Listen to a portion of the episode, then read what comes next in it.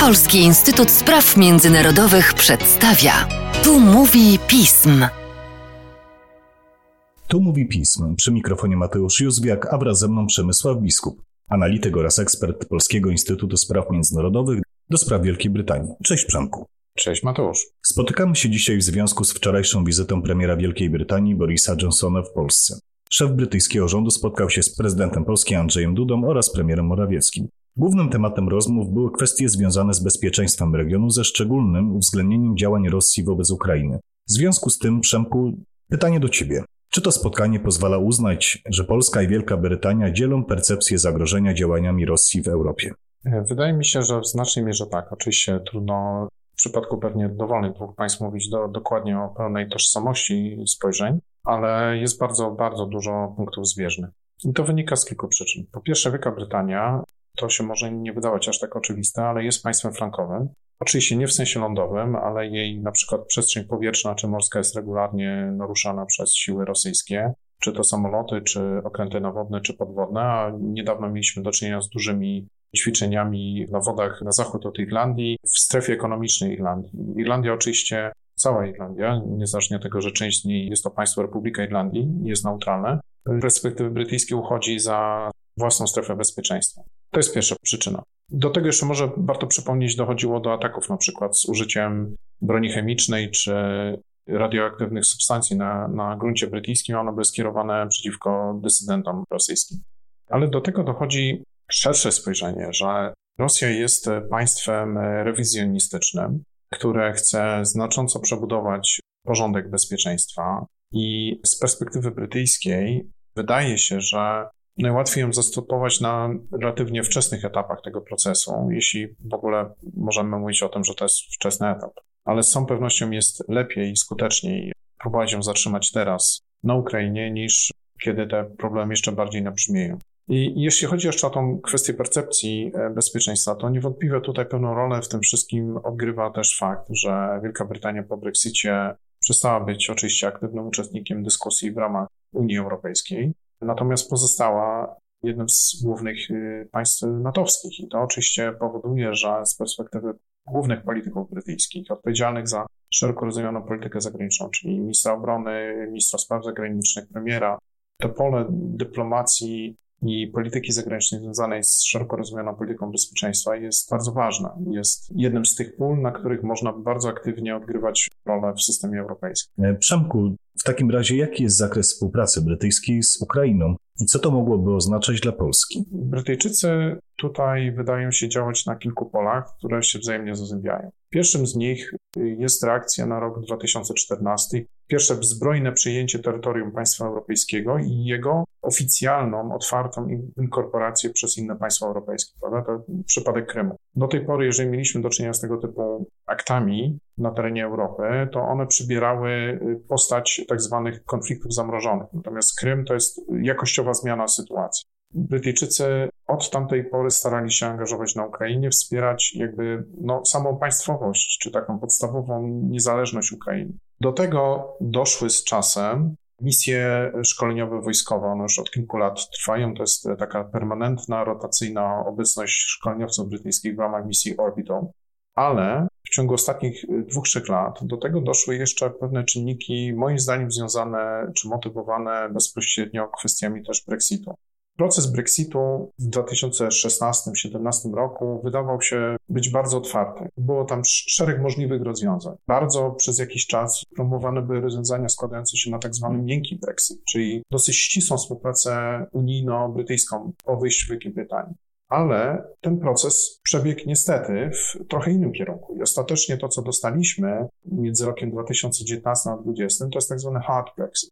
Jest to wyraźne cięcie w relacjach unijno-brytyjskich na polu bezpieczeństwa, ale też na polu gospodarki. To konsekwencji oznacza, że Brytyjczycy mają szybką motywację, żeby szukać dodatkowych nowych partnerów o potencjalnie docelowo chłonnym rynku, o pewnym potencjale współpracy też na przykład technologicznej. I tutaj właśnie widzimy to na Ukrainie w ciągu ostatnich dwóch, trzech lat. Warto wspomnieć, że w tym okresie mieliśmy do czynienia z podpisaniem umowy o partnerstwie strategicznym Mieliśmy do czynienia z e, zawarciem szeregu ważnych, wartościowych, ale też mających potencjał rozwojowy kontraktów zbrojeniowych. Brytyjczycy będą odbudować marynarkę wojenną Ukrainy, będą budować nie tylko okręty, ale też dokonywać transferu technologii, budować infrastrukturę portową dla tych okrętów. Też e, są plany wykorzystania ekspertyzy ukraińskiej w zakresie na przykład budowy silników lotniczych, w zakresie budowy rakiet. No pamiętajmy, że Ukraina po, po Związku Radzieckim odziedziczyła bardzo prężny przemysł zbrojeniowy, który w niektórych niszach jest, y, ma bardzo wysoko, wysoki poziom. Czy w takim razie można mówić o trójstronnym sojuszu polsko-brytyjsko-ukraińskim? Dość dużo o nim słychać ostatnio w mediach. Moim zdaniem w znaczeniu ścisłym nie. I teraz może zacznę od tego, jakie są różnice w, te, w ramach tego trójkąta, bo jego jeden bok jest zdecydowanie mocniejszy niż dwa pozostałe. Ten bok polsko-brytyjski.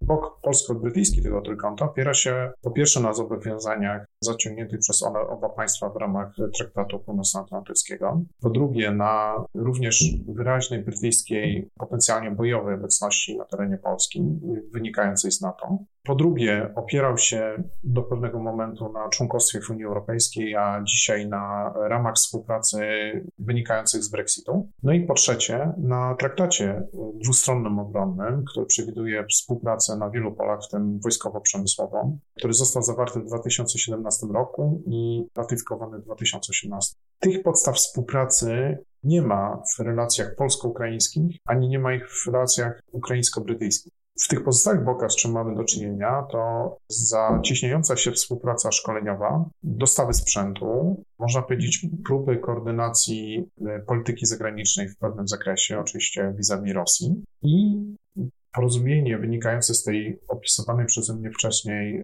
zbliżonej percepcji bezpieczeństwa między Polską a Wielką Brytanią, które przekładają się na działania dyplomatyczne mające wspierać niepodległość Ukrainy. I teraz tutaj wydaje mi się, że dochodzimy do takiej ważnej obserwacji, że y, czego w zasadzie można się spodziewać od Wielkiej Brytanii w ramach tego trójkąta. Moim zdaniem nie tego, że ona zapewni na przykład siłę wojskową do otwarcia Rosji. Brytyjczycy zdefiniowali swoją nową wizję strategiczną w marcu zeszłego roku w takim dużym dokumencie, który się nazywa Zintegrowany Przegląd polityki zagranicznej, bezpieczeństwa i obrony i rozwojowej. Tam wyraźnie widać, że Brytyjczycy chcą, i co więcej, te decyzje od, od tamtego czasu są już implementowane, chcą ograniczać na przykład wojska lądowe i rozbudować potencjał przydatny na Indo-Pacyfiku, zwłaszcza marynarkę wojenną i lotnictwo. Natomiast to, z czym Brytyjczycy moim zdaniem występują jako propozycją i co jest realne, to bycie po pierwsze takim y, mocnym, jednym z koordynatorów, albo głównym koordynatorem pewnej koalicji chętnej,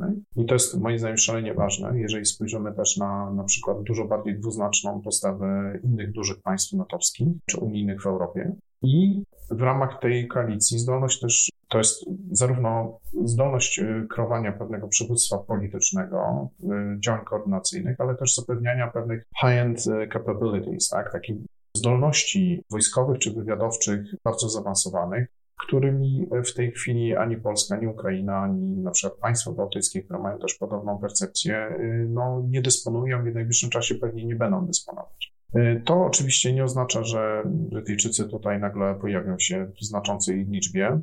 Moim zdaniem jest to niemożliwe. I y, nie oznacza też, że załatwią za nas rozbudowę naszego własnego potencjału, na przykład odstraszania czy potencjału obronnego. Przemku, ostatnie pytanie, które wydaje mi się, że jest pytaniem kluczowym, ponieważ z pewnością część z naszych słuchaczy bardzo intensywnie nad nim się zastanawia. Czy wobec problemów Johnsona w polityce krajowej, kwestią związaną z omawianą przez nas już imprezą na Downing Street, ta współpraca mogłaby być realizowana pomimo jego potencjalnej dymisji? Wydaje mi się, że tak. I tutaj warto podkreślić dwie, trzy rzeczy. Po pierwsze, jeżeli spojrzymy na osobiste zaangażowanie polityków brytyjskich teraz w tą akcję dyplomatyczną wobec Rosji, to widzimy, że to nie jest tylko Johnson. Nomen on wczoraj odbył dwie wizyty zagraniczne. Pierwszą w, po godzinach porannych w siedzibie NATO w Brukseli, a później po południu oczywiście w Warszawie. Tu spotkał się też z żołnierzami brytyjskimi stacjonarnymi w Polsce ale to też jest y, minister spraw zagranicznych y, pani Liz która była wczoraj równolegle w Moskwie To też jest minister obrony Ben Wallace, nomen omen, e, że tak powiem, prywatnie on jest byłym wojskowym. Warto też uwzględnić to, że szereg bardzo prominentnych polityków partii konserwatywnej oraz pewna część polityków partii pracy to są w ogóle byli wojskowi. Ci najbardziej prominentni to jest na przykład szef Komisji Spraw Zagranicznych, szef Komisji Obrony, szef e, Komisji do Spraw Wywiadu. To są wszystko byli wojskowi. Widać też moim zdaniem ciągłość e, akurat linii postępowania wobec Rosji. Nawet jeżeli porównamy e, Borisa Johnsona i panią Teresę May, gdzie generalnie no, bardzo wielu Polaki, bardzo wiele ich dzieli, ale akurat polityka rosyjska jest bardzo zbliżona. Ale warto też podkreślić, że wczoraj ledwie, ledwie premier Johnson wyleciał z Brukseli, to w pociągu do Brukseli w Eurostarze siedział już lider opozycji, jadąc na swój zestaw rozmów. W sumie z bardzo podobnym przekazem. I to jest y, też y, ciekawa różnica w stosunku do jego poprzednika, który reprezentował taką twardą lewicę, bardzo antynatowską, bardzo prorosyjską. Tutaj Starmer, Sir Starmer, lider Partii Pracy, ewidentnie stara się mocno odcinać od tego typu głosów w swojej partii, stara się pacyfikować to, to takie radykalnie lewicowe skrzydło i poszedł szereg komunikatów ze strony tej głównej partii opozycyjnej, że nie, jak najbardziej, jeżeli chodzi o te sprawy, tutaj e, trzymamy wspólną linię z rządem. O tym, jak będzie przebiegać współpraca polsko-brytyjsko-ukraińska, przekonamy się w najbliższych tygodniach i miesiącach. Tymczasem dziękuję Ci, Przemku, za dzisiejszy podcast. Dziękuję bardzo. Państwa zaś zachęcam do śledzenia naszej strony internetowej, czytania najnowszych biuletynów i komentarzy, śledzenia mediów społecznościowych i do usłyszenia.